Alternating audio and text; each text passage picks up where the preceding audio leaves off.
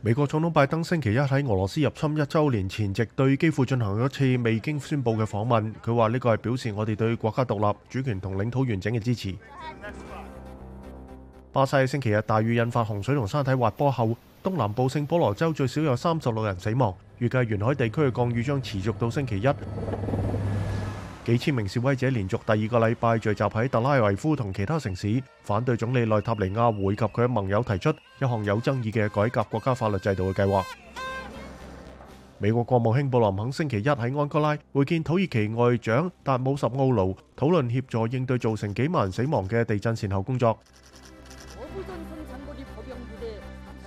平壤星期一喺東海岸試射咗兩枚短程彈道導彈，係三日內嘅第二次武器試驗。